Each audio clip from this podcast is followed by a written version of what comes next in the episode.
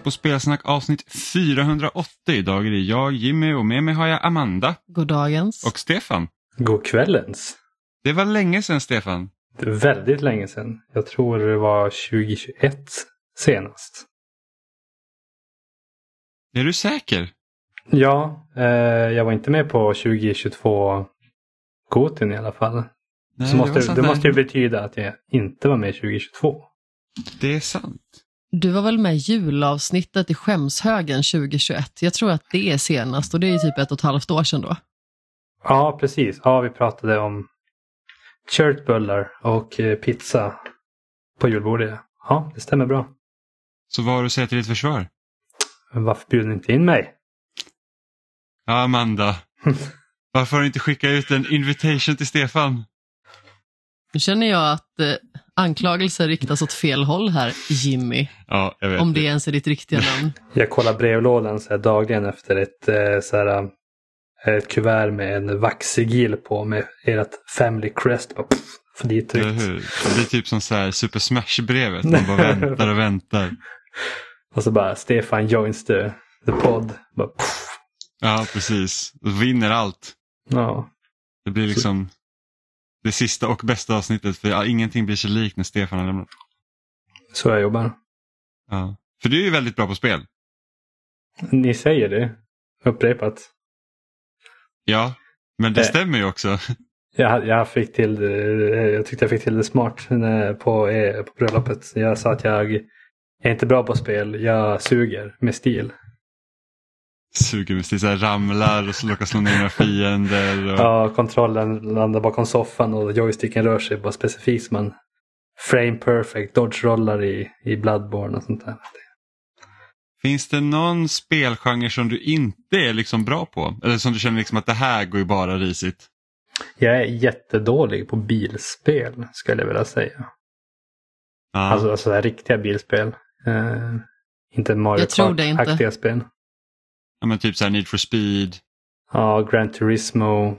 Jag har för sig inte spelat sådana heller på hur många år som helst. Men det är inte riktigt min kopp te. Så jag brukar undvika dem. Mm. Är du bra på fightingspel? Eh, nej, ska jag inte heller säga att jag är. Jag, det mesta fighting jag spelar nu för tiden det är ju Smash. Mm. Och där, jag har fem timmar i Smash Ultimate på min Switch. Totalt. Eller tio kanske det blir. Ja, okej. Nej, för, för det är ju någonting, alltså, jag är väl okej på spel men det är liksom, fighting är det jag har mest problem med. Alltså när det kom, i- inte Smash då, för Smash kan man ha kul även fast man inte är jättebra. Eh, men typ så här Street Fighter och Tekken och Soul Calibur, de spelen, det är det liksom, det är för svårt. Jag spelade Soul Calibur 2 jättemycket på GameCube när det kom. Alltså sinnessjuka mängder. Eh, och varit jätte, jag upplevde att jag varit jätteduktig med vissa, vissa karaktärer och lärde mig bra kombos och sådär. Men jag vet inte, det har som, inte, har som fallit av lite med, med fightingspelen. Uh, jag vill vara bra på typ Street Fighter och sånt där. För det, det, det ser så jäkla kul ut att vara bra på det. Och sen hoppar man in i typ tutorial och ska prova eh, några kombos de lägger upp för en i så här eh, challenges. Och man bara, det här går inte. Hur ska jag komma ihåg allt det här? Ja, det är jättesvårt. Vi alla vet ju hur undermålig jag är i alla genrer. Så vi behöver inte ens börja prata om hur risig jag är på fightingspel just. Men Smash naturligtvis, det är ju någonting som är ganska så säkert att gå till för att kunna ha roligt, även om man liksom inte är kanon på det. För att som vilken spelare som helst så kan man typ bara trycka på A om och om igen och komma undan med det ganska så väl. Man kommer långt med bara A-knappen faktiskt. Mm. Det är därför jag är lite pepp på Street Fighter 6 eftersom de har eh, strömlinjeformat eh, kombosystemet om man vill. Så det, det är liksom lite likt Smash på det sättet att i, i, om du ska utföra en Smash-attack i Smash så kan du antingen använda liksom den ena spaken till att liksom rikta eller så kan du ladda upp med liksom A plus den riktning du vill då. Eh, och, och I Street Fighter 6 så har de då gjort också att de har liksom satt vissa kombos liksom till en knapp liksom. Istället för att du behöver typ, om ska, du, ska du spela som Ryu och sen köra typ Shoryuken så måste du liksom så här, ja men Halvmånar och ja, ha- halv, kors och halvmånar tvärs och... Ja, precis. Och då, och då är ändå halvmånen det är den lätta grejen. Liksom. Men, Ja. är så, ja. Eh, så, att, så att istället för att man behöver göra, det kan man fortfarande göra såklart, men då kan man också liksom säga att den här knappen är den här attacken typ. Eh, Jag provade vilket- faktiskt demot på Street Fighter 6 när det släpptes. Eh, Mm. Jag satt den dagen ganska mycket. Eh, Jag brydde mig inte om det här eh, kampanjläget. Det, det sa mig inte så mycket. Men då provade jag både leka runt lite grann med klassiska kontrollerna. För det är som man, även fast du inte spelar mycket Street Fighter så känns det som att nästan alla vet hur man gör en shoryuken i alla fall. En, en, Mm. en hadouken menar jag. Eh, Bara fram, framånen ja, skjuta precis. iväg. Eh, så prova lite sånt och sen provar jag även det här eh, nya då, att de har förenklat det. Och då, det påminner lite om när Mortal Kombat gjorde lite samma grej med om det var nian eller tian. Att de eh, gjorde alltså mer, mer användarvänligt. Det är lättare att komma in i men det är såklart skitsvårt att vara svingrym. Även, även fast de förenklar så är det även så djupa mängder med strategi och tanke bakom allt man kan göra och måste göra för att bli bra. Mm. Jag har aldrig faktiskt spelat Mortal Kombat. Det, det är liksom, jag har inte kört ett enda spel i den serien. Mm. Och jag har för mig att det ryktas för dem att, nu vet inte jag, det kan hända att det är ett rykte eller så kan det vara bekräftat också, jag är lite osäker, men att de ska reboota serien. Jag vet inte om det är en reboot eller inte men det ska heta Mortal Kombat 1. I alla fall. Ja. Det kanske är en modern tolkning av första spelet. Ja, kanske. Lite som Battlefield 1 helt plötsligt gjorde en omstart. Men det kom inget nytt Battlefield 2. Nej, precis. Så märkligt, eh, märkligt namngivet. Ja, som Xbox One. Ja, det gick ju jättebra. Ja. Eh, Men apropå Xbox, vi, vi diskuterade ju förra veckan eh, ganska mycket om eh, eh, utgången av Redfall och att, det är liksom att Xbox fortfarande inte lyckas få Alltså kläcka ur sig liksom stora spel som, som får bra kritik. De, de släpper ju en del liksom små, små tjafs eh, emellanåt som ändå är helt okej men det är liksom ingen som man säga, eh, gör någon större impact så att säga. Och vi fick Mm. lite kommentarer om det faktiskt. Eh, ja, en kommentar som vi fick innan förra avsnittet men jag tänkte att jag ska läsa upp den också för att det handlar väldigt mycket om, eh, om det vi pratade om förra veckan. Som, här är faktiskt en person som har gått in, skapat ett konto på vår hemsida och kommenterat i tråden. Vilket gjorde att vi missade förra veckan. För att det är inte så ofta någon kommenterar. Just där. Och det är av Kalle. Eh, som skriver, kan ni diskutera Phil Spencer, Microsoft-kontroversen och deras kommande showcase i nästa avsnitt, vilket vi gjorde. Eh, för mig känns det som när man läser och lyssnar på folk att de tycker att bägaren runnit över, också för att Xbox-fansen har tålamodet tagit slut. De som ännu försvarar honom kommer med tafatta anledningar att han är en gamer, alltså en av oss, och att nästa gång eh, kommer Microsoft och Phil Spencer visa spelvärlden. Eh, så att tvivlarna får äta upp sina ord. Eh, och den här personens åsikt i frågan är kortfattat är att Phil Spencer känns som en ny Peter Molyneux minus kunnande av speldesign och angående Microsofts del känns det som att de är bortom all form av räddning även om de köper upp ställe av spelindustrin. Eh, tack för en bra podd. Eh, och det leder egentligen in också till en annan kommentar som vi fick eh, tidigare i veckan då eh, av Sammy på Instagram. Eh, och det här är en person som brukar ofta kommentera på våra grejer, vilket är kul. Eh, som skriver så här. Tror både Microsoft och Sony hade tjänat på att samarbeta istället för tvärtom. Det räcker att Sony tillhandahåller konsolen och Microsoft tillhandahåller spel. För alla oss spelare så hade det bara varit en vinst om det fanns en konsol mindre och fler spel på Playstation. Sedan så är det allt färre som köper en Xbox nu än tidigare och fortsätter detta så måste Microsoft förr eller senare behöva fråga sig själva om det är värt att fortsätta till, tillverka konsoler eller bara spel. Och jag tänkte, tar vi första frågan egentligen. Är Phil Spencer en ny Peter Molyneux? Frågar du mig? Jag, jag lämnar frågan öppen. Ja, jag är så jätteoinsatt i Microsofts sida av det hela. Så jag har jättedålig koll på, på Phil Spencer om jag ska vara ärlig. Eh, Så vad beror det då på att du inte är så insatt i Xbox, Stefan? Jag tror det mest handlar om bara de exklusiva titlarna som eh, de har inte riktigt funnits där.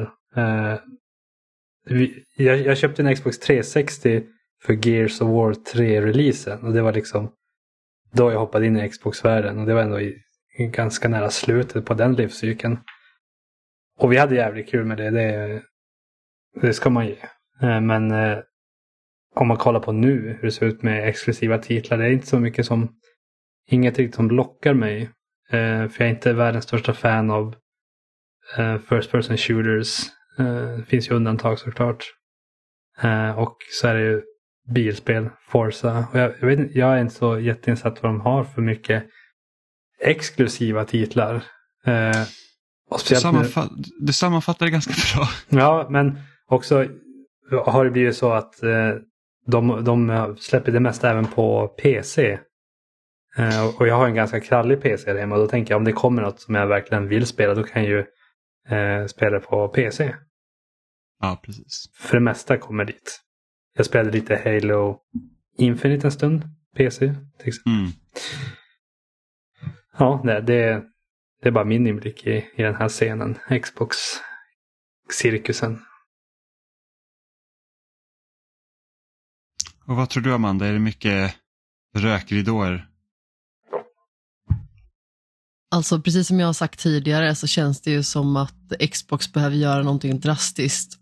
Och det hade faktiskt inte förvånat mig om eh, Xbox Series X faktiskt är den sista konsolen som de lanserar. Just på grund av att det känns som att de är liksom så mycket på nedgång när det gäller den biten att eh, det är svårt att liksom se hur de ska ta sig ur det hela. Och hela den här poängen med att förra generationen avgjorde så pass mycket med tanke på digitaliseringen, det är faktiskt eh, inte helt orimligt att eh, det har en väldigt stor inverkan på hur folk liksom hanterar spel i dagens samhälle. Så med tanke på hur dåligt Xbox One sålde i relation till Playstation 4 så är det förmodligen någonting som eh, Xbox Series X får känna sviten av nu. Och eh, det kommer förmodligen kanske vara avgörande då i framtiden när det kommer liksom till en ny konsolgeneration. Nu vet ju inte vi hur lång tid det är liksom tills det skulle komma en sådan. Det tog väl ändå sju år i den förra generationen. Ja, i runda slängar. Jag tycker även att Microsoft har skött deras egna varumärken väldigt dåligt. Eh, speciellt nu på senare år när det har blivit så populärt att göra remasters, eh, remakes. Att de inte plockar fram lite så gamla eh, märken, alltså deras, deras eh, titlar och de har och liksom hoppa på hype-tåget lite grann. Och släpp något Banjo Kazooie eller bara en fet remake på Banjo Kazooie eller något, vad som helst. Ta det ni har i era gömmor någonstans och gräv fram och piffa upp. De är ju, har ju, äger ju hur mycket som helst. Varför ser man inte hur mycket som helst? Mm. De har ju oändliga resurser om man jämför med väldigt många andra företag. Mm. Och det pratade vi lite om förra veckan också, att istället för att köpa Activision för 69 miljarder dollar så kanske man skulle investera i sina egna studior istället och se till liksom att de kan utveckla spel ordentligt och få den tid och de resurserna de behöver. Mm. Eh, men hade ni velat se att Microsoft skulle sluta göra en egen konsol och sen egentligen bli som en tredjepartsutgivare och liksom släppa sina spel enbart på Playstation till exempel, eller Playstation slash PC? Alltså, det känns lite som att de hade lika gärna hoppat på och bara bli en stor utgivare istället och fortsätta ha Game Pass. De hade kunnat köra på Game Pass fortfarande på deras liksom titlar och föra över Game Pass till all, alla plattformar där det går. Uh, för att jag tycker inte det finns, uh, alltså för, för min del finns det inte nog med argument till att man ska ha både en Playstation och en Xbox i tv-bänken. Just nu. Mm. Ja, och, det, och det nämnde vi också förra veckan, liksom att, att, det är svårt att rekommendera en Xbox om du har en Playstation och liksom undrar om du ska köpa en till konsol eh, ja. till exempel.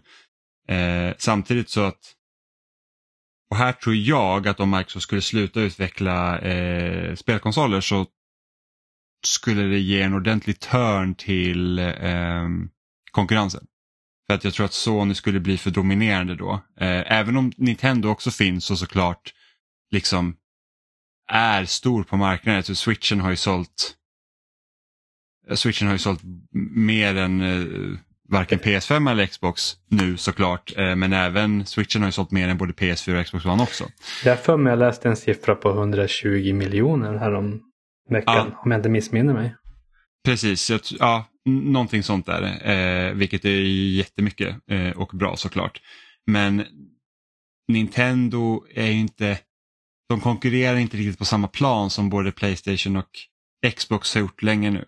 Eh, och, och, jag tror att skulle det bli så att det finns liksom ingen underdog eller någon som har lite liksom, ligger lite under men fortfarande har resurserna att hanka sig kvar så då, då, då, tror jag att det skulle kunna bli sämre för oss som konsumenter genom att här, kanske höjda priser, eh, funktioner som liksom det innoveras inte funktionmässigt ordentligt. för att om det inte hade varit så att Microsoft hade klantat sig så mycket med Xbox One så är det inte säkert att vi till exempel hade haft crossplay idag eh, mellan konsolerna. För det var ju Sony en ganska stor motståndare till länge.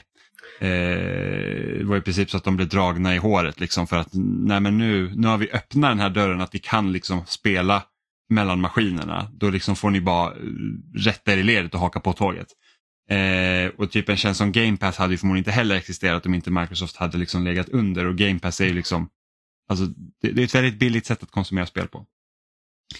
Ja. Eh, så jag tror att det är bra att konkurrensen finns kvar. Jag tror det är också, av den anledningen. Där det blir tomhål har det också, också en tendens att börja fyllas in igen. Alltså när det skapas tomhål i... Jag kan tänka mig att, att eh, liksom Valve hade säkert kunnat tänka sig göra någon slags hem, hemmaburk om Microsoft hoppade ur. Kanske. Sen Valve är ju lite konstiga där för att de, de eller konstiga, de, de gör ju lite så här att de gör lite vad de känner för och sen så kanske de inte riktigt följer upp på det sen. Ja. Det är liksom så här, ja men vi släppte den här grejen och det, den är där nu. Jag tänkte liksom. Steam Deck vart ju en, en gigantisk succé. Yes, och sen beror det liksom på vad, gör, vad, vad kommer de fortsätta göra med Steam Deck? Liksom, hur kommer en Steam Deck 2 se ut? Kommer en Steam Deck 2, alltså, vad, vad gör de med den grejen? För nu börjar det dyka upp en massa konkurrenter också till Steam Deck. Som vi har den här Asus, eh, Asus har ju en egen handhållen som jag nu inte minns vad den heter som, som är liksom ganska aggressivt prissatt till ungefär samma pris. Mm. Med större minne och den är Windows-baserad vilket gör att du kan ha Game Pass eh, och Steam då eh, installerat på den utan problem. Och även Epic Game Store och eh, EA Origins, heter det så? EA Play? Jag vet inte vad deras tjänst heter längre. Eh, jag tror det heter Play nu för tiden. Ja, just det. För Origins var det förra. Eh, så att, och vilket gör att, för det är ju då en nackdel med Steam-däcken är att den är Linux-baserad vilket gör att det är inte lika enkelt att installera grejer på den eh, alla gånger. Eh, så till exempel vill du spela Fortnite på den så får du liksom trixa lite för att du måste komma runt deras anti-cheat-grej just för att den är Linux medan på Windows hade det gått mm. eh, utan problem. Så det, det, är ju det är lite så. Ja, men det är lite som du säger, det är inte helt omöjligt att faktiskt Sony skulle behöva ha den här motståndaren i sin dragkamp. Liksom. Sen är det ju så att de flesta marknader mår väldigt bra av konkurrens för att det gör liksom att man ständigt blir tvungen att höja sig själv. Faktiskt se över sina alternativ och försöka göra mer aktivt kloka val. Annars kan man ju bara luta sig tillbaka och vänta på att folk liksom ska köpa det man säljer. Och kanske inte sträva lika mycket efter nymodigheter, att se till liksom att man tar olika genrer eller tekniken någonstans för man vet liksom att det finns inga vidare alternativ. I en drömvärld kommer Nintendo droppa en jättekraftfull eh, Switch-aktig maskin med klockren online-funktionalitet. Mm. I den här drömvärlden som tyvärr inte existerar. Det hade varit något. Ja, men det är ju synd för att Nintendo är ju på spåren med Switch. Alltså hela den lösningen som mm. de skapade, den är ju liksom magisk för vad den är. Sen är det ju liksom en väldigt svag maskin och det är ju lite sorgligt Sen så ska man ju också ha i åtanke att Nintendo, det är ju liksom ett företag som har betydligt mindre resurser än både Sony och framförallt Microsoft. Det de har, det är liksom anrika starka varumärken. Och helt plötsligt så lyckas de liksom slå till med hittar liksom när det gäller konsoler. Eh, vi har ju liksom nästan lite varannan konsol som har fungerat väldigt väl. Mm. Eh, Och mycket beror ju på att de faktiskt eftersträvar att hitta nya vägar att gå. Återigen, så Wii, det är ju liksom en konsol som tog genrer någon helt annanstans, liksom när det gäller att kunna då faktiskt röra sig i spel själv. Eh, och sen så har vi liksom switchen som hämtade upp liksom Nintendo väldigt mycket från det hål som de lite grann hade grävt med Wii U som inte alls fungerade vidare väl. Och framförallt så var det ju någonting som var väldigt eftertraktat under pandemin. Det var ju där liksom Nintendo höjde sig ännu mer. Alltså jag vet inte hur länge switchen var slutsåld liksom. Den sålde ju som smör. Ja, switchen är ju liksom mer framgångsrik än vad Wii var just Ja. nu. Jag tror att den är väl, om inte Wii typ stannade på typ 110 miljoner sålda eh, enheter och Switch som sagt var ju då på över 120 nu. Så att det, det är en riktig framgångssaga. Och, och det tror jag också mycket för att om man tänker liksom skillnaden mellan Wii och Switch var att Wii så, så var det väldigt mycket barnfamiljen, nytt sätt att spela, pensionärer, liksom alla ska spela. Eh, och det, mycket av den liksom, målgruppen förlorar de till mobiltelefonen sen. Liksom mobilen är ju egentligen det lättaste sättet att spela idag på. Eh, och, och med switchen så nästan tappar de in liksom i det här nostalgiska tänket. Liksom, Okej, men du som har växt upp med Nintendo. Nu har vi liksom konsolen för dig. Eh, och du kan spela var du vill. Eh, och när du kommer hem kan du bara sätta den på tv. Det är liksom bara, ta den här eh, Eh, trailern som kom till eh, senaste Zelda då, Tears of the Kingdom. När man liksom var så här, ah, här har du medelåldersmannen som åker till jobbet och liksom ser lite deppig ut på livet men liksom hans, hans ljusglimt här är liksom att han kan spela Zelda på sin switch. På bussen, tåget, när han kommer hem. Eh, och det är ju liksom en väldigt stor kontrast till hur reklamen såg ut under Wii. Liksom när det var just det här jättestora vita vardagsrummet med en familj som spelar tillsammans och liksom efterapar bowling, golf, kastar frisbee. Eh, och så var det även när liksom de premiärvisade Switch. Då var det liksom så här att, oj men, där sitter du hemma och du ser att dina kompisar liksom på, i lägenhetshuset tvärs över har liksom ett, ett, ett party på taket. Och då, bara, mm, då går du dit med din Switch för då kan ni spela tillsammans. Och jag kommer ihåg att när vi såg det, vi bara, det där kommer ju aldrig hända. Liksom, det är inte som att du kommer ha med din Switch liksom när du går över, men det är så folk gör. Eh, så att det, det är liksom, de, de hittade de hittade ett sätt att göra spel lättillgängligt fast ändå fortfarande eh, traditionella om man säger så. Ja, men precis. Och för oss som liksom är primärt konsolspelare, som också spelar stationärt otroligt mycket, så spelar ju ändå Nintendo, eh, Nintendo en väldigt viktig roll i det här nostalgiska som du säger. För att vi som är liksom uppväxta med olika former av Gameboys, så blir ju liksom en Switch typ Game Boy Advance på steroider. Mm. att man kan ta med sig den, eh, skärmen är liksom så otroligt mycket starkare och klarare. Men man kan liksom också koppla in den i sin TV och det är ju någonting som känns som att man alltid har drömt om. Att man ska kunna spela var som helst, när som helst. Och att man liksom inte ska behöva vara beroende av var man är för någonstans för att kunna spela det spelet som man är investerad i just nu. Och det älskar ju jag. Just den här känslan av att, okej, men jag kan sitta i soffan och ha liksom på en slöserie i bakgrunden och kan spela någonting. Jag kan ta med mig switchen på bussen och det fungerar precis lika fint. Men jag kan också spela det på en stor tv. Och där är det lite synd som sagt att tekniken inte riktigt är i framkant liksom på de visuella aspekterna bland annat då och hur naturligtvis eh, uppkopplingen fungerar och, vi, och så vidare. När det gäller liksom att spela tillsammans, då är det ju liksom bökigt och det känns ju som att Nintendo i många fall gör det lite för svårt för sig själva.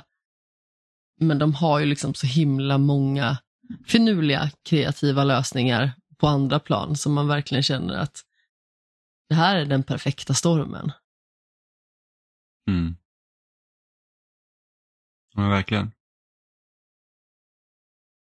Men nu när vi ändå är inne och, och pratar lite om Nintendo så att typ ett av deras största spel eh, för året har ju liksom släppts med nya eh, The Legend of Zelda Tears of the Kingdom. Jag vet att jag har spelat det och Stefan du har spelat det och Amanda har inte hunnit börja än. Ehm, men hur långt har du kommit Stefan? Eh, oj. Eh, jag har tagit ett av, eh, av uh, templerna. För de drog ju samma formula igen. Smacka upp fyra prickar på kartan. Gå och ta hand om det här. Så jag har gjort en av dem och sen gått runt, runt om i, i världen. och jag har ju så svårt att bara gå rakt mot punkter i sådana här spel. Man går, går och så bara, oh här är någonting på vägen. Och sen, oh här är något på vägen. För mm. Efter första templet tänkte jag gå uppåt till nordöst. Och försöka ta mig till en prick där någonstans. Och så var det grejer på vägen och sen när jag öppnade kartan där jag nere i sydöst istället. Ja. Jag bara oj. Det gick helt fel med andra ord. ja, det var så mycket grejer på vägen. Man ser, något, mm. ser alltid något intressant. Mm. Men du är så här att du liksom du försöker liksom pricka av allt under tiden du går. Liksom. Du, du, du, du följer liksom inte så stenhårt på målet om man säger så. Nej, precis. Om, om jag ser en shrine då tänker jag att jag går dit och så bara där är ett stall. Så att jag går dit och pratar med folk, får några sidequests. Eh, hur långt har du kommit in förresten innan jag börjar fortsätta mala på? Eh, jag är på väg till mitt första tempel. Jag, eh, jag är nästan där tror jag. Ja. Lite oklart. För de har lagt till en ny variant av eh, minnen från förra spelet. När man skulle gå till bara specifika punkter och få mm. flashbacks. Då har de eh, såna här uh, alien crops eh, har hamnat på backen. Ja, precis. Eh, där man ska, det tyckte jag varit jättetidious bara efter två stycken. Man ska gå runt och hitta en liten fläck som man kan eh, interagera med. För att aktivera eh, mm. Eh, ja, ett minne då, så att säga. Jag tror jag har gjort fem eller sex av dem nu. Ah, Okej. Okay. Jag har bara gjort ett. Faktiskt. Även om det är lite lättare den här gången, liksom, att man kan ju bara hoppa upp till en så här flygande ö och sen försöka hoppa ner. Ja, så precis. kan man ju se i alla fall vart de är. Eh, även om jag faktiskt tyckte om fotoutmaningen i, i originalet, då, eller i Breath of the Wild. Det var ganska just, kul att liksom försöka hitta de här Ja just det, var fotoutmaningen. Man skulle, ja. ja just det, ja. Det hade jag glömt bort. Så det tyckte jag var rätt så kul. Um, men det som egentligen är, det som är så speciellt just med det här eh, Zelda det är det liksom att det är nog en av de första, jag vet inte om det är första gången men det, det, det är inte många gånger Nintendo i alla fall återanvänder liksom den världen de har skapat i ett Zelda. Eh, nu är det ju liksom samma har... karta även om den är modifierad om man säger så. Ja, det har de bara gjort i A Link Between Worlds. Och då var det Link to the Past Ja, precis. Ja. ja. precis. Som de har modifierat och gjort, slängt, hör... slängt upp i 3D. Ja, eh, så det hör ju inte till vanligheterna. Nej, eh, men eh, Tears of the Kingdom det är li lite, lite väl typ samma, samma spel igen. På, på sitt mm. sätt. De, de har hittills, jag är ju 10-15 timmar in eller någonting, men hittills kör de lite samma upplägg som i förra du har din lilla tutorial-område. Du får prata med en viktig person. Sen dyker upp fyra punkter på kartan. Bara, det här ska du börja med. Men nu verkar skillnaden vara att det är, det är lite mer strömlinjeformat. Så att det är lite mer hårdare liksom pushar dig vart du ska gå. Och mm. att det verkar inte som att du kan gå rakt till slutbossen på en gång om du så önskar som man kunde i förra. Jag tror faktiskt att du ska kunna det. Även om jag tror man ska kunna det eller om det händer någonting när du kommer dit att det inte riktigt funkar men, men uh, hittills, någon har ju speedrunat spelet på typ 94 minuter. Oj.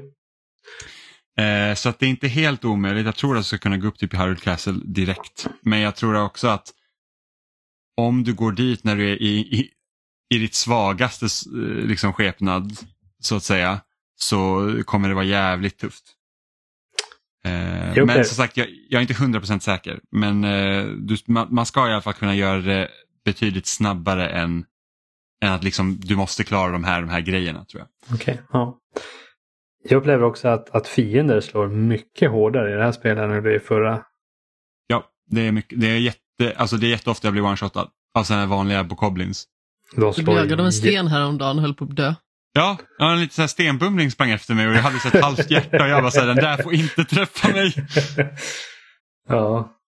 Um, Jag märkte en rolig grej. Jag mötte en sån här en stor stenbumling. Eh, Mm. Nu tappar jag namnet på dem bara för att jag nämnde dem. Eh, men det är så roligt med de nya krafterna man fått. Man kan använda den här ascend-kraften för att ta sig upp på ryggen på honom på en gång. Istället för att försöka Shadow of the Colossus, Shadow of the Colossus mini-variant. Klättra upp på honom. ah. slå på hans... Jag bara gick undan och bara, undrar om det här funkar. Och så gjorde det det. Det är faktiskt situationen i, i väldigt många lägen i, i, i, i eh, Tears of the Kingdom. Man får en sån här liten tankeställare. Kan man göra det här? Och så provar man och bara, jag kan fan göra det här. Det är liksom, Ja. De har som tänkt på att man, på allt nästan, känns det som. Ja, och, och det är det som är egentligen ganska spännande med Tears of the Kingdom är just det att, för att många andra utvecklare hade gjort så här, okej men vi hade de här krafterna i Breath of the Wild och då, liksom, då adderar vi krafter till uppföljaren. Men Ja. vi liksom har ju kvar de samma, men i det här spelet, du har ju inte kvar någon av krafterna i, i, i, från första spelet utan du får ju, du får ju alla liksom, alla är ju nya. Eh, Förutom då typ har- den här Ultra Hand. Det som Ja är men typ, precis, som, som är en typ en modifierad version av ehm, det är telekinesis med superlim. Precis, och så telekinesis med Karlssons klister. Ja, precis. Eh, men, men, och det är det det här spelet bygger mycket på, det är att du, liksom, du bygger och konstruerar dina egna lösningar i mångt och mycket. Så du har ju Ultra Hand som kan göra så att du kan klistra ihop objekt med varandra.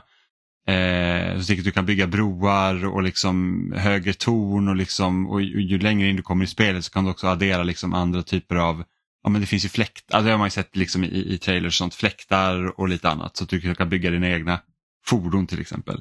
Ja. Eh, sen har du ju Fuse vilket gör att du kan, du kan sätta ihop eh, grejer på dina vapen. Så du kan liksom, har du ett svärd så kan du lägga liksom en, en sten på den så, får, så blir det som en hammare nästan. Eh, och, och, och typ pilbågen så kan du liksom addera, och det är också helt sjukt, du kan liksom addera vad som helst i din pilbåge så får Ja. den en effekt.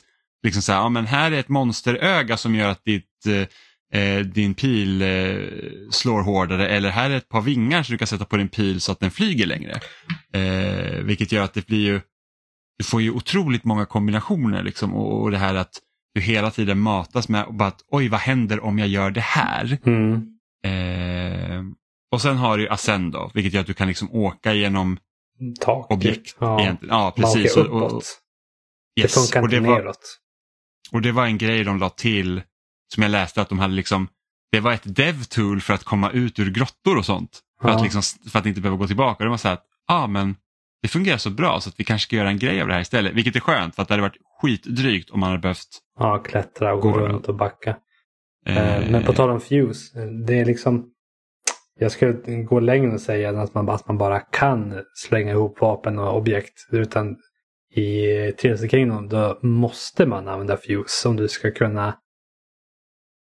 Ja, inte måste, men alltså om du ska dela ut någon slags skada och klara dig i striderna. Där känns det som att då, då är det verkligen. Du måste använda Fuse för att dina vapen ska kunna göra någonting. För de eh, slängde in att, att alla vapen vart corroded som har legat ute när, eh, när nya Calamity kom. Eller vad det heter i det här spelet. ja.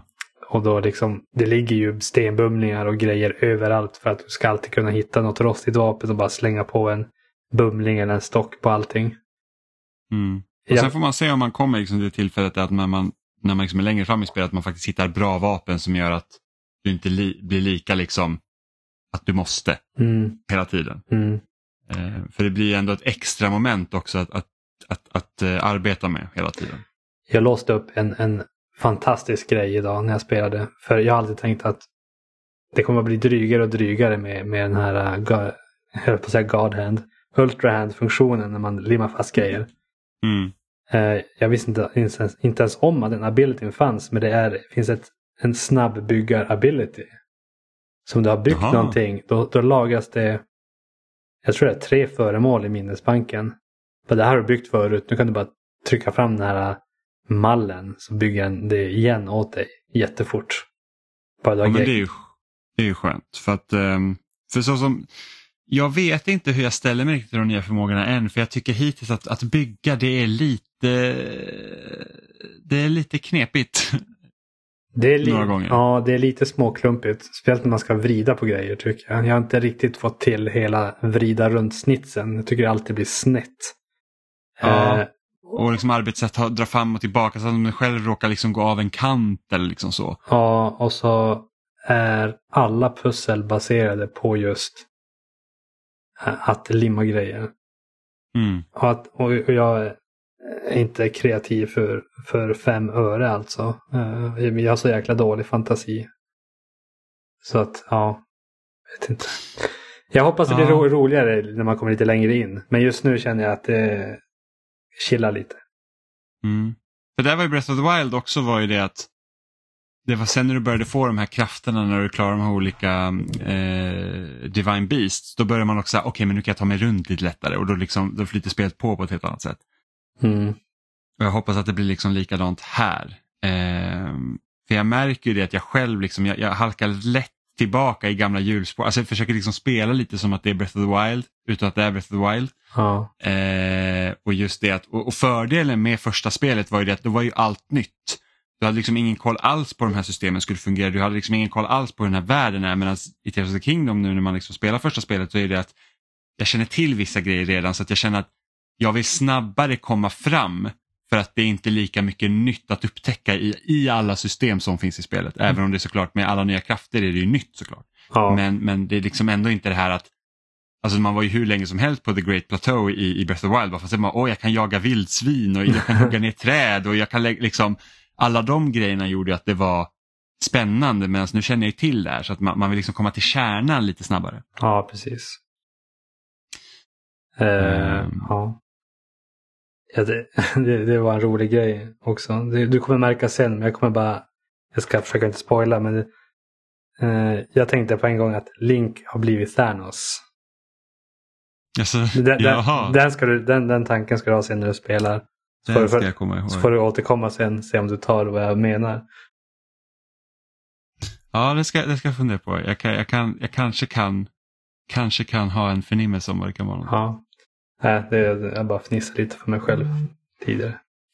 Jag tänkte bara, han är Thanos. Eh, men eh, ja, i, nu när du kommer ner på, på markplan så att säga. Vilken, vilken eh, riktning valde du att, att gå? Eh, ja, jag blir skit, alltså jag blir så här jättenyfiken på Eh, eftersom man, man börjar ju spelet uppe i, i Sky Islands liksom. Eh, och där så pratar de om Temple of Time. Mm. Och då blir jag direkt så här, bara, men det finns ju ett Temple of Time nere i Hyrule liksom som vi såg i första spelet och det är kyrkan. Mm. Så jag vill minnas att det hette Temple of Time. Så jag tänkte jag vill ju gå till The Great Plateau nu och kolla liksom vad, vad heter det här stället då om vi har Temple of Time uppe i skyn. Vad, är liksom, vad kallar man det här nere och liksom, hur hör de ihop? Problemet är att jag hittar ingenstans. så att jag, jag har inte hittat The Great Plateau än för jag kommer inte ihåg vart det var och jag tänkte jag ska inte googla. Jimmys lokalsinne briljerar än en gång. Ja men precis, så, att, så att jag börjar ju jag börjar ju gå egentligen mot den gula pluppen för att jag får liksom någon bäring och börja ta lite torn så att jag ska kunna se. Liksom. Men jag har för mig nu, om jag inte minns helt fel så är The Great Plateau söder om Hyrule Castle. Ja, det är det. Ja, Eh, men jag gick norr. Så. jag för mig att Master Sword, eh, Lost Woods, är i norr i förra spelet. Jag har inte varit rakt upp till norr ännu. Men var, var, inte, var inte Lost Woods, var inte typ någon ö med massa skog på? Oj. Eller det kanske inte var en ö, det kanske ser ut som en ö längre bort ifrån bara för att det är så himla tjockt med skog. Ja, så kan det vara. Ja. Eh, men då får man ju, vet ju inte om Master Sword är i Lost Woods längre. Det kan det ju inte vara. Den är ju mm, redacted. Jag ska inte spoila. Ja, precis. Master Sword Redacted. Ehm, Men eh, kommer, kommer du ihåg eh, vilken ordning du tog Breath of the Wild i? Alltså de här fyra main-plupparna, Divine Beasten. Kommer du ihåg vilken Ja. ordning du tog? eh, nu ska vi se. Jag tog ehm, Jag tog den som de rekommenderade som etta tog jag nog först. Jag kommer inte ihåg vilken kraft det var man fick av den. Är det elefanten i Sora? Ja, det måste nästan ha varit va? Vilken kraft fick man då? Eh, jag tror det var, var inte det att återuppstå en gång? Jo, det kanske det var. Jo, det, det var nog den första. För, för Goron, sen, Goron var skölden. Jag gick till Goron sen. Och ja, sen- precis. Ja, jag tog nog, jo men jag gjorde nog också elefanten, Goron. Sen gick jag ner till öknen. Ja, jag var ju på väg till öknen som tvåa. Och där fick jag så mycket stryk att jag gick till Goron istället. hmm. Eh, för att det var, det, det var mycket starkare fiender där så, det liksom pallade inte. Och sen så gick jag, så jag tog elefanten, vulkanen och sen gick jag till, eh, ja försökte med sanden då, eh, men sen gick jag till eh, Ravioli. precis. Och, och det var ju liksom den bästa förmågan här att man kunde skjuta sig upp i luften. ja, och den tog jag sist. Och när jag, när jag fick den jag bara, ah, hade kunnat ha det här hela tiden. Ja men verkligen det känns så här att om man spelar om Breath of the Wild någon gång så går man ju dit först. För det underlättar ju så himla mycket. Ja, verkligen. Sen vet ju inte jag, få, va, när du klarar tempel här, får du någon förmåga eller en liksom den knuten till typ dina companions? Eh, ja, nu vet jag inte om, om det kommer bete sig likadant efter varje tempel man kommer till. Men eh, jag fick som en kopia av min companion med mig. Ja okej, okej, jag fattar. För en, ens companion har färdigheter. Ja, Eh. vilket fortfarande eh, är så jäkla... Jag stör mig redan på den här lilla companion jag har med mig för att man, den är så himla känslig över när man kan klicka igång eh, förmågan. För att man måste liksom stå typ bredvid den som man pratar med den och sen står man lite snett, då funkar det liksom inte. Mm. Vilket är skitstörigt. Vart sa att du gick nu? Vart är du på väg mot? Vilket tempel är du på väg mot? Eh, ja men det är mot, eh, det är ju där vart eh, Rito Village eh, och den biten. Ja, Dragon Uppe Roost Island. Exakt. Jäkla bra musik där. Ja, alltså jag älskar verkligen vintertemat av eh, Dragon Roost Island-låten. Ja, den är Den jättetrevlig. var skitnice. Ja, jag gick också dit först. Eh, och jag störde mig också på det här för att aktivera powern. Eh, dock märkte jag om du är i luften så kan du bara typ spamma på A-knappen så kickar den igång. Mm, din favorit. Vinna i Att luften. vara i luften. Ja, vinna i luften. ja, Ehm, sånt är det mer av ska du få se. ja, verkligen. Ehm, men jag vet inte vad jag riktigt tycker om om Tears of the Kingdom än. Alltså, jag, jag gillar ju det för att det är Zelda. Ja. Men jag är liksom inte på det spåret än där liksom man ger det 10 av 10. Liksom så, så, som många recensenter tycker det är helt amazing. Men det är för att jag inte kommit så långt. Vi har inte hunnit spela så mycket eftersom ja, men jag och Amanda gift oss, så grattis till oss. Och du var ju med på bröllopet eh, Stefan. Så, att, Så liksom, grattis till ja, mig. Ja, precis, så vi vara med och gratta er. Ja, eh, så, så att det, det, ingen har hunnit spela speciellt mycket. Även Oliver som, som inte är med idag, han har inte heller hunnit spela så mycket. Så att vårt stora Zelda-avsnitt blir liksom inte så här, det massiva så här, att det här är exakt vad vi tycker för att liksom, vi har inte kommit någon vart. Alltså man, det känns ju som att jag kanske har spelat 6-7 timmar. Ja. Eh, kanske, det är väldigt oklart. Men eh, det känns inte som att jag ens har skrapat på ytan av vad jag ens kan göra med det här. Jag, bör, jag börjar ju först liksom nu försöka manipulera systemen till att liksom, okej men kan jag, kan jag bygga så här? Hur kan jag göra det här? Liksom? Eh, och där tycker jag ändå Nintendo är rätt så bra, i alla fall i de shrines som man har varit med pussel, att de, de hintar lite till hur du kan bygga lösningarna. Ja, Eh, bara för att, för att det är jättesvårt när man bara får alla grejer först. Så bara, men vad kan jag bygga? Jag försökte bygga en flygfarkost och det gick ju inte alls. Liksom, för jag förstår inte liksom, hur kraftfull är det? Hur, liksom, hur får man fjong på det? Kommer jag låsa upp någonting så jag kan styra grejerna med sen? För just nu är det väldigt styltigt. Liksom. Däremot har jag märkt att jag har gått in i vissa shrines och tänkt för mycket. Och så här övertänkt lösningar. Och så typ eh, märker jag bara att ah, jag skulle bara, bara göra så här. så jag har gått så här all the way ut det man skulle och mer därtill. Liksom. Mm. Men eh, jag håller med dig på punkten med att, alltså, jag, att jag inte riktigt vet vad jag, vad jag tycker om Tears of the Kingdom än. Eh, när man låser upp de här minnena från de här Alien Crops. Jag, alltså, alltså, jag, jag blir ganska hype på det man får se Mm. där. Men eh, det är själva, som, om man kallar det gameplay-loopen då. Alltså att du går runt bygger. Att det är så mycket som handlar med bygg, mycket fuse. Eh, det är inte riktigt det flow som jag vill ha riktigt. Eh, Nej, och jag är nog med dig där också för att det är liksom så här att det känns som att man stannar upp för mycket för att man ska bygga lite. Liksom. Ja, just nu måste jag komma ihåg att slänga på ett par stenar på mina vapen och hålla på tänka på sånt hela tiden. Eh, jag har inte varit ett stort fan av byggspel överhuvudtaget eh, generellt. Alltså varken... Så Banjo Kazooie Nuts and Bolts var liksom inte så här, det här är allt jag velat haft av Banjo Kazooie. Det, det tvingade jag mig igenom bara för att det var Banjo Kazooie. Och det är liksom, jag, jag kallar det för retard lego. Alltså man blir riktigt, alltså lego man blir frustrerad av och inget funkar som man vill på något sätt. Uh, Nej, alltså, alltså det är väl också säkert också för att jag har jättedålig fantasi men alltså det, det är inte riktigt, inte riktigt min kopp te. Uh, men liksom det är ändå kul där med upptäcka glädjen. Gå runt och kolla på saker och speciellt jämföra lite vad man kommer ihåg från Breath of the Wild. Nu har det gått ett gäng år. Jag har inte spelat det sedan det kom, Breath of the Wild. Mm, samma här. Så att det blir som liksom, det blir liksom liksom. Eh, man har ju som en mental bild över, så här, ungefär så här minns jag Hyrule. Så går man runt mm. och försöker komma ihåg lite var man kan gå och ungefär, ungefär vad som finns vart. Men man, så de har ändå lagt jättemycket energi på att lägga till och ändra på världen. Alltså mer, ja, gud, ja. mer än vad jag tänkte att de skulle. För, ja, samma här. För de har inte, bara, inte de, de, har inte bara lagt till eh, liksom öar i luften, de har lagt till ett helt, en hel undervärld också. Som man kan råka trilla ner i.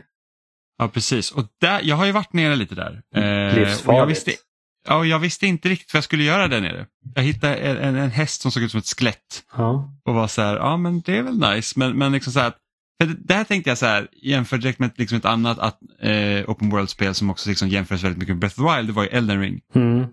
Eh, och, och liksom jag var så här typ att, okej okay, jag gillar inte att utforska så mycket Elden Ring för att det är mycket svårare än Zelda, vilket gör att, så här, att jag vill inte gå och dö.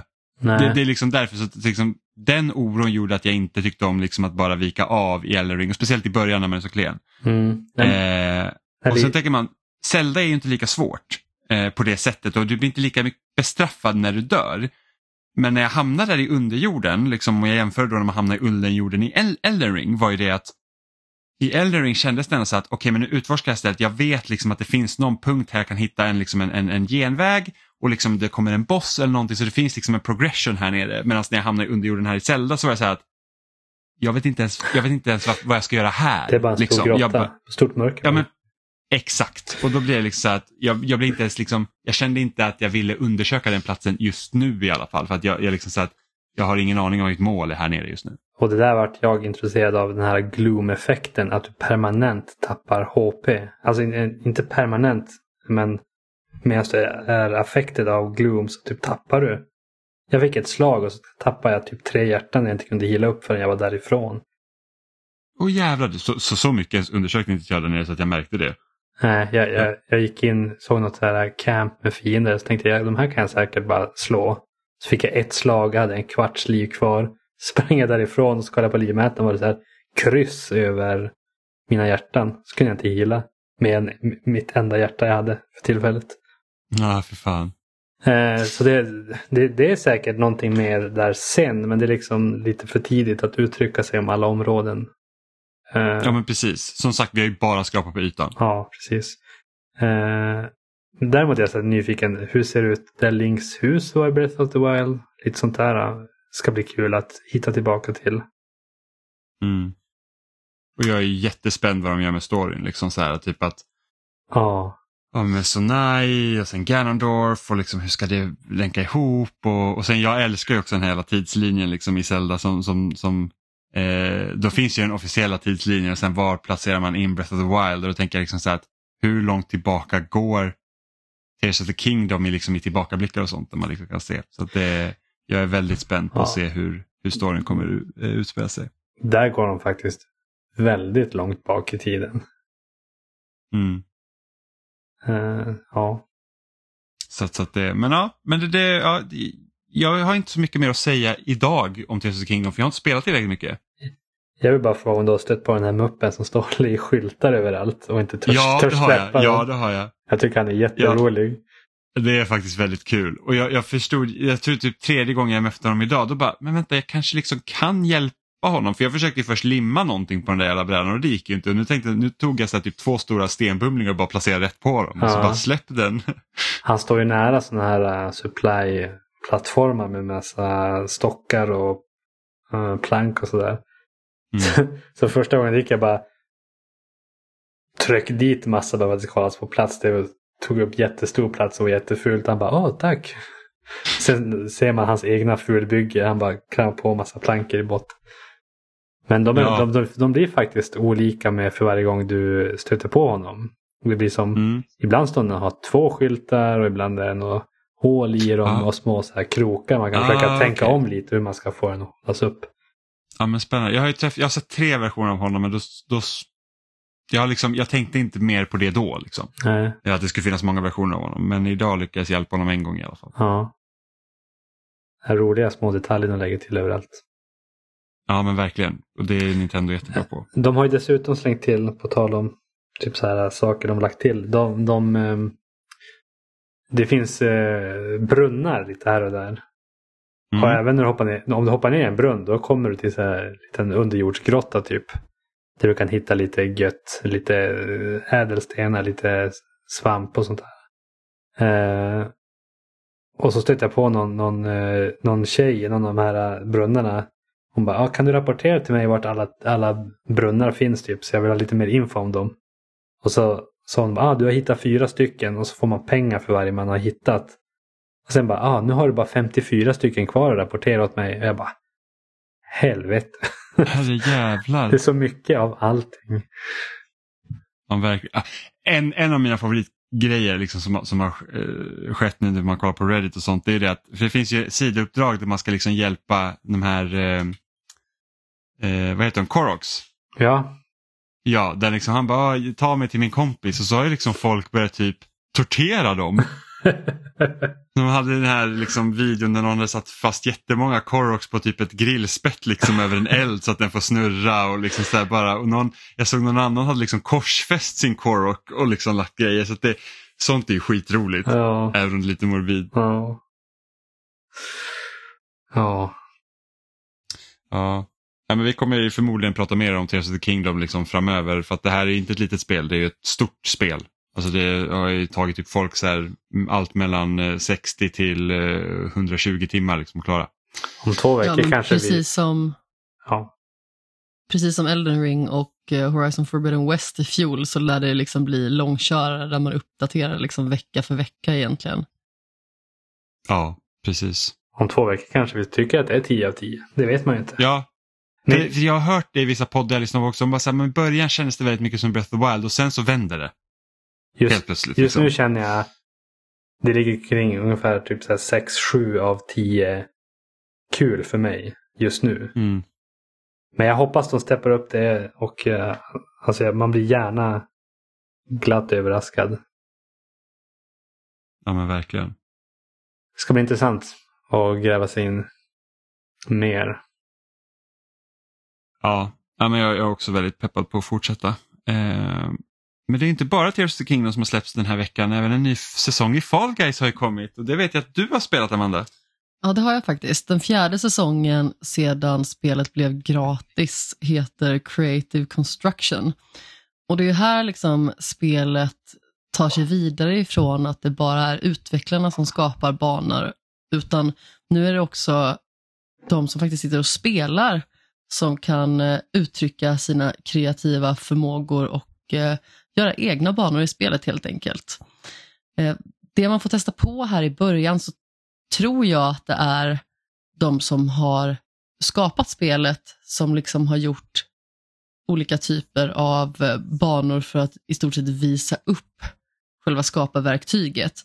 Jag tycker att det är lite oklart på den punkten egentligen, men det finns nyligen tillagda banor som man liksom märker inte riktigt är i samma stuk helt som de andra banorna som vi känner till sedan tidigare. Man märker att de känns lite mer som hemmabyggen och det känns liksom inte lika tajt i relation till hur de andra banorna är uppstyrda sedan tidigare.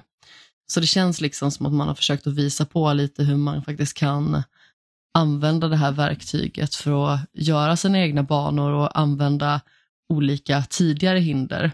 Det var någon bana som jag i synnerhet tyckte om som liksom kändes som en blandning mellan Big Fans, Dizzy Heights och även The Whirly Gig. Där man liksom hade tagit de här olika elementen egentligen och slängt in dem på samma bana, men liksom i etapper. Och det är väl egentligen det som har känts lite slarvigt och lite stökigt när man har spelat de här första trevande timmarna i den nya säsongen. Det är att det känns verkligen i många fall som att man bara har slängt in hinder och det är det jag menar liksom med att det inte känns lika tajt som de ordinarie banorna. Och just de ordinarie banorna är också liksom en historia för sig, för vi har ju diskuterat det mycket, Stefan, du och jag och eh, Jimmy, att eh, det är ju liksom en sorg att det faktiskt inte är lika många banor som cirkulerar längre. Bara för att man har fått för sig att man måste kunna få det här att fungera lika väl på Switch som på Playstation 5 och Xbox. Och det gör ju liksom att många banor har fått stryka på foten. Däremot så upptäckte jag att de i alla fall har lagt till några banor igen. Eh, Roll-On är väl den eh, originalbanan till exempel som eh, cirkulerar där man liksom måste springa och hålla sig aktiv för att inte åka ner. Eh, där de till exempel utvecklade lite mer med att det sköts frukt på en och bollar i vissa fall och sådär. Eh, den fick jag se idag och sen så var det även så att jag stötte på Seesaw, det vill säga den här banan med vippbrädor. Så det känns ändå som att det kanske finns en möjlighet att de börjar kila tillbaka några banor från förr in i upplevelsen. Och det tycker jag hade lyft upplevelsen mycket mer. Jag vill liksom bara kunna ha alla banor och att det slumpgenererat kommer nya banor liksom då helt enkelt varje gång. För när man spelar mycket Fall Guys och har gjort det på sista tiden, då har det känts väldigt enformigt bara för att det nästan bara är samma banor som man går runt på. Och då blir det liksom inte lika roligt längre och tjusningen försvinner. Det var jättekul om det var, alltså om, om de fick igång alla banor att fungera igen.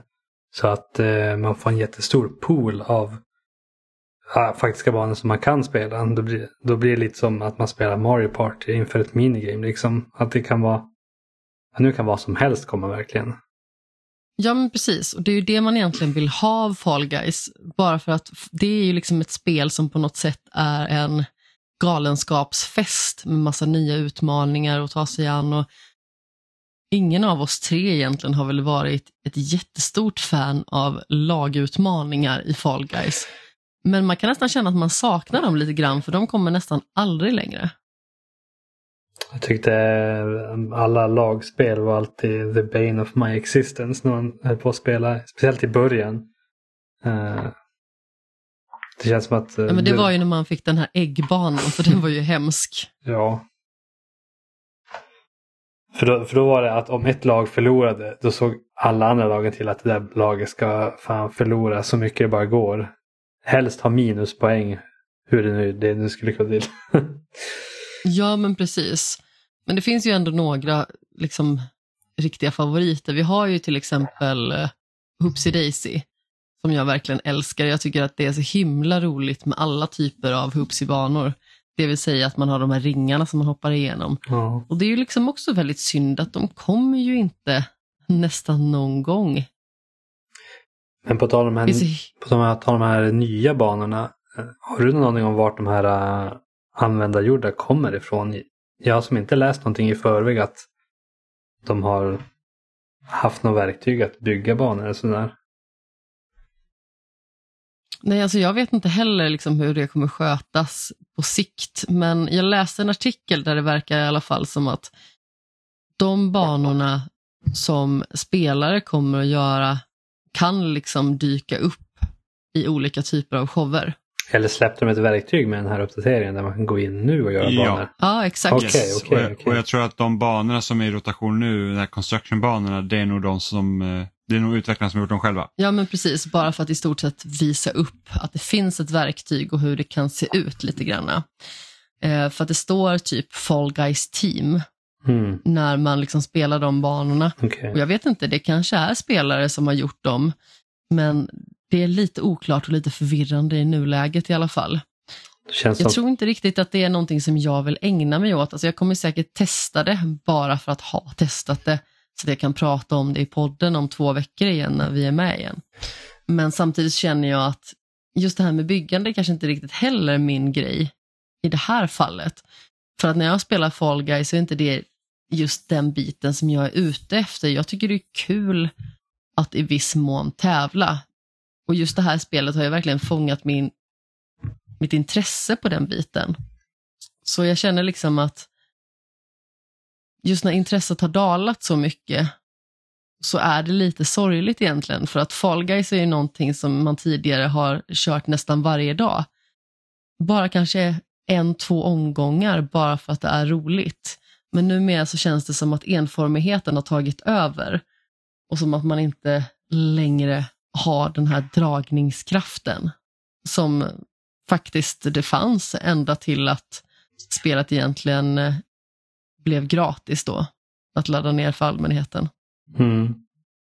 Eh, att det, vi får se hur de väljer att sköta det här byggläget nu. Alltså ja, hur, aktivt det kommer vara att kolla banor och implementera banor. De kanske gör någon form av någon, eh, vad heter det, omröstning. Eller så till och med vissa kanske gör så bra banor att de kanske får en permanent plats i, i poolen av möjliga banor. Men själva byggläget vet, känner jag väl lite som du gör man och det är väl som lite som Mario Maker. Det är som en fantastisk idé. Men man har ju ingen fantasi att kunna göra någonting vettigt. Eh, så för min egen del kommer det nog inte bli mycket byggande av banor i alla fall.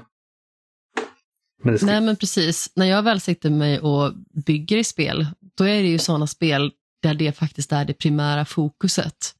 Att till exempel spela Two Point Campus eller The Sims eller liknande, jag kommer ju förmodligen spela City Skylines inom kort.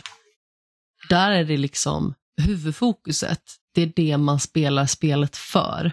Och det är ju inte samma sak här, för att anledningen till att jag spelade Fall Guys för, för, från första början, det är ju liksom att det ser så otroligt tokroligt ut och det är hinderbanor och det är lättillgängligt. Det är liksom inte svårt att förstå vad man ska göra. Du behöver veta att du ska röra på stickan i den riktning du ska ha. Och du kan hoppa och du kan kasta dig. Och sen så kan du grabba tag i saker. Liksom. Det är så otroligt okomplicerat, men det var också så briljant i sin enkelhet på något sätt. Det känns som att den här uppfinningen av hjulet en gång till, den tilltalar liksom inte mig så himla mycket. Jag vill tillbaka till den gamla goda tiden, till när spelet verkligen hade sin storhetstid. Och det fanns ju flera säsonger som verkligen var otroliga. Alltså bara andra säsongen till exempel med medeltidstemat, tredje säsongen med snövärdarna. Det var ju så himla roligt. Och då var det också väldigt svårt att lägga ifrån sig. Så om man bara hade sagt att man skulle spela två gånger, då kunde det väldigt lätt bli sju. Och det var också okej. Jag tyckte det var så sjukt att tänka tillbaka på. Jag tänker ibland tillbaka på när spelet var nytt. Det är augusti 2020 tror jag det kom. Mm. Eh, då, då satt man flera timmar om dagen alltså. Och, och bara körde och körde och körde. Och det blev aldrig tråkigt. Nej. Det var ju det liksom. Och Det är ju det som också smärtar så mycket när man har kommit till den punkten att man känner att Fall Guys är inte lika roligt längre. På grund av att det finns liksom inte lika många valmöjligheter. Det känns som att de har begränsat det som man älskade när det liksom kom nya säsonger. Att det liksom fanns himla mycket nytt material att testa sig igenom. Och framförallt så känns det liksom inte som att man har samma då dragning att faktiskt dra ihop ett gäng och sätta sig och spela tillsammans. Alltså visst, det är fortfarande roligt att spela tillsammans. Men om man knappt känner att man har en dragning att spela det själv ens, då känns det som att varför ska man anstränga sig? Mm. Ja, nej, det är faktiskt jättetråkigt. Så att jag, jag, nu är det ett tag sedan jag spelade Fall Guys, så jag har inte haft så här jättelust att hoppa in i den nya säsongen heller. Och det, det är mycket beror liksom på att alla banor inte är där. För det blir ganska tjatigt att nu när vi, jag och du Amanda liksom hoppar in med jämna mellanrum så här för att spela Fall Guys så är det liksom samma banor i rotation hela tiden. Eh, och jag vet inte riktigt vad, vad som tanken är med det här nya liksom, skaparläget heller. Är det liksom ett sätt för att Ja, men är, det, är det ett sätt för att liksom säga, okej okay, men de behöver inte liksom släppa lika kontinuerligt nya banor för de kan liksom låna från communityt? Eh, eller, var liksom ett, eller är det ett sätt liksom att få kanske få så här nya spelidéer som de inte har tänkt på, de liksom ser om något blir poppis. Eh, för det svåra med Fall Guys är ju det också att det, det kräver ju att det är x antal spelare på dem. Så att, så att säga att jag skulle skapa en bana så kan det även vara svårt att testa den själv. Liksom, jag, jag, vet inte, man kanske kan ställa in så här, bara, ah, max fyra får spela på den här banan och ska man testa men, men liksom, ska man vara upp mot så här, 40 stycken, ja, då är det, liksom, det, det är svårt att få ihop. Ja, men det verkar som att det faktiskt finns något form av tak på respektive bana för hur många som kan spela. Numera liksom när man ser startskärmen för själva banan, då står det typ till exempel då maxspelare på en finalbana och då är det tio stycken till exempel. Och Visst, det är väl också praktiskt att man liksom har de ramarna. Men återigen, jag återvänder hela tiden till att det var så himla mycket roligare förr, när man hade liksom några säsonger i ryggen och man liksom kände att det fanns så himla många olika sorters banor som man kunde råka ställas inför. Och det betyder inte att de senaste säsongerna på något sätt har varit dåliga, för jag tycker fortfarande att det finns många roliga idéer där. Till exempel den här eh, andra Hoopsie-banan där man liksom glider då på mage genom hela upplevelsen i en form av rutschkana. Alltså det är en jätterolig idé och generellt sett så funkar den ju väldigt väl. Men samtidigt så känns det som att om inte det vägs upp med fler gamla banor så man nästan får känna att åh just det, den här banan ja, den var länge sedan man spelade. Gud vad kul! Då blir det liksom återigen den här monotona känslan av att man bara spelar för spelandets skull. Jag vill ju ha glädjen. För, för mig är Fall Guys liksom ren och skär spelglädje i grunden. Det är ett spel som inte jag spelar för att jag känner att så här, gud nu ska jag ge alla de här asen jag möter på nöten. Utan jag spelar det för liksom mitt eget nöjes skull. Och att det liksom är liksom en så kärleksfull upplevelse på många sätt.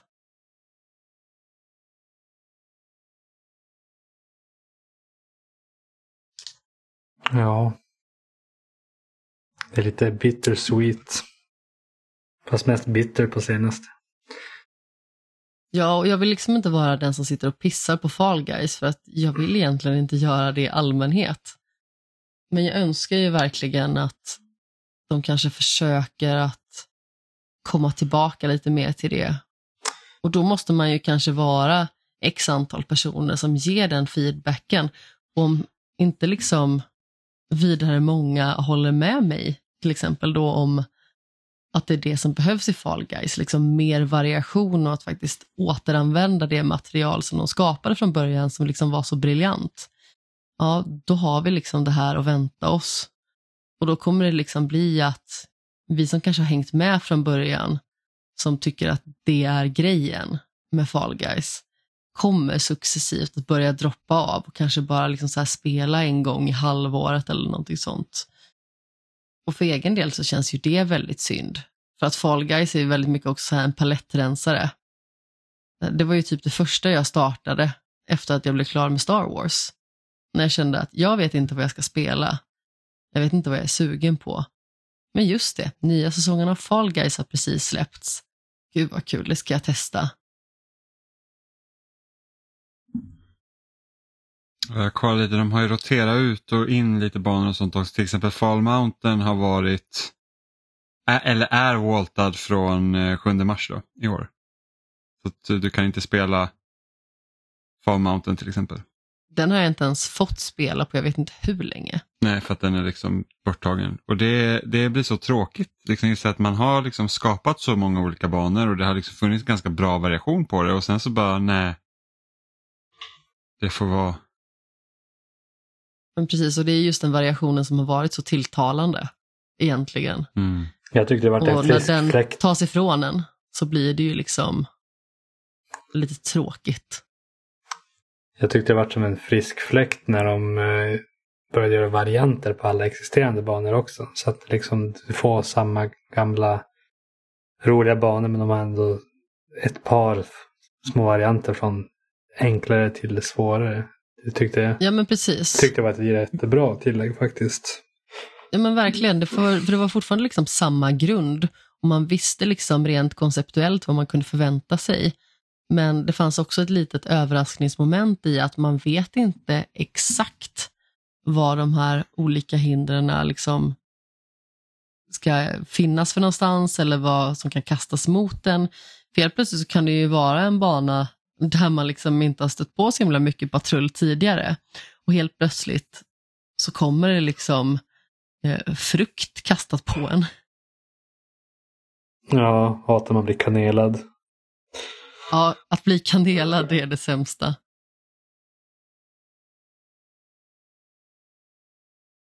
Men kommer du testa någonting Jimmy? Jo, men det planerar jag att göra. Det är bara det att nu har det funnits väldigt lite tid och väldigt mycket annat att spela. Eh, det kommer ju en rad mindre spel liksom nu i maj som jag också skulle vilja spela, men jag tror att Zelda kommer äta upp all min tid. Eh, för jag har Humanity som släpps nu i dagarna. Det ser jätteflummigt ut. Jag kommer spela det.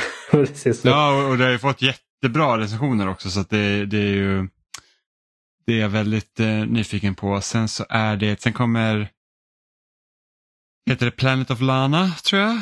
Eh, som också har fått bra betyg, fick en nia i Edge tror jag. Eh, vilket är väldigt liksom, alltså det, det låter lovande. Eh, sen kommer ju det här Pokémon-liknande spelet den 30 maj tror jag det är, eh, Cassette Beasts till konsol. Vilket jag är jätte, jätte pepp på också. Jag har bara hört om i- det men inte riktigt sett vad det är för någonting. Alltså det, ser, det ser typ ut som ett 2D-Pokémon. Eh, men skillnaden är att du fångar inte riktigt monster utan du, när du träffar nya monster så typ kopierar du deras förmåga. Och sen så kan du fusa ihop olika monster med varandra i liksom, som kassetter. Då. Mm. Och sen så tar du skepnad som den. Så att du, du förvandlas till monstret har jag fått för mig. Eh, och det är liksom bara maj. Sen så kommer juni och då kommer liksom Street Fighter 6 och Diablo 4 och Final Fantasy 16. Så att där är liksom hela sommaren. Kämpa. Alltså du, man kunde bara släppa ett av de här spelen och det hade varit hela sommaren. Japp. Så Diablo 4 är ett riktigt jäkla timesink. Speciellt nu när de introducerar så här världsbossar och alltså globala event. Och, Mm. Ja men precis. Ehm, och, och det ser jag faktiskt fram emot. Eh, det- jag hade jätteroligt med betan i Diablo 4. Jag också. jag spelade inte all, allt för mycket bara för att jag ville. Bara, ja, jag vill inte. jag vill spara mig tills det kommer. Ja, vi ville ju komma upp till att vara level 20 så att vi kunde få den här Wolfpack-grejen. Ja. Ehm, för jag, jag gillar inte, jag har inte gillat den typen av spel tidigare. Jag har tyckt att jag har haft jättesvårt att ta mig in liksom i, spel som Diablo, så Torchlight och, och sånt. Ehm, men jag ville ändå, liksom, jag tyckte att fyran har sett så bra ut så jag ville verkligen ge det en chans. Och jag och Amanda hade i alla fall jättekul med det. Mm. Och sen har vi också spelat Diablo 3 då, som vi har kommit kanske halvvägs på. Det skulle jag uppskatta, ja. Ja, eh, men som sagt, det har funnits väldigt lite tid nu. Eh, de senaste veckorna och sådär. Ja. Ja, i synnerhet de senaste veckorna. Det har ju liksom varit svårt att pussla ihop det lite grann för att man har ju dels liksom haft mycket på gång på det privata planet, men sen har man liksom inte heller haft lika mycket ork att faktiskt ta sig an vissa spelupplevelser när man liksom väl har haft den tiden. Så har jag i alla fall känt att när jag väl har satt mig ner för att spela, då har jag liksom inte orkat ta det i lika långa sessioner i många fall. Bara för att jag har eh, känt att men, kroppen och hjärnan behöver egentligen en liten paus. Och till och med så att idag, nu när liksom bröllopet har eh, ägt rum och gårdagen ägnades majoriteten åt att vila, att ladda om. Jag var visserligen och tränade på kvällen och hade mina klasser som vanligt och sådär, men jag känner liksom fortfarande sådär att jag var väldigt trött efter helgen för att det var ju liksom en rejäl urladdning liksom emotionellt och det var ju en sån himla magisk dag verkligen som man aldrig kommer att glömma. Och det är ju liksom alla som kom dit som man har att tacka för det. Men som sagt, eh, piggheten är ju liksom inte på topp. va? Så jag flexade faktiskt ut någon timma tidigare idag från jobbet, bara för att jag liksom skulle bara kunna komma hem, ha lite egen tid, vila lite och sen eh, satte jag mig och spelade lite Fall Guys och tog ett mellanmål. Liksom. Det kändes som att man fick liksom så starta om hjärnan lite grann som blev lite rostad under helgen. Mm. På bästa möjliga sätt. Den var välrostad. Det var en fantastisk helg. Med facit i hand. Ja, alltså jag hade inte kunnat drömma om att eh, dagen skulle bli så pass bra. Det är klart att man vet liksom att ens eget bröllop kommer vara typ en av de bästa dagarna i hela ens liv. Men jag hade inte kunnat föreställa mig att den skulle bli alltså, så toppad. Ja. Verkligen. Och mycket har vi ju naturligtvis att tacka alla fantastiska gäster liksom, som kom eh, i många fall långväga, men också liksom våra toastmasters i eh, Robin och Gustav som verkligen la ner hjärta och själ i att eh, få våran dag att bli så superb som möjligt. Och jag och Jimmy tittade på varandra när de skulle spela en jingel som då liksom varje gång skulle hinta om att nu är det någonting på gång och då spelades Baby Park. Och det var ju verkligen en stämningshöjare varje gång. Och det började hos sådana som inte är spelintresserade eller vet var den gingen kommer ifrån. Folk började så här sitta och klappa i takt och stampa i golvet och slå nävarna i borden. Liksom. Så det var ju liksom verkligen så här en fest varje gång Baby Park gick igång. Det var helt sanslöst. Vad mer kan man önska sig på ett bröllop egentligen? Ja, ultimata beviset på att Mario Kart Double Dash är bäst för att det är därifrån Baby Park kommer.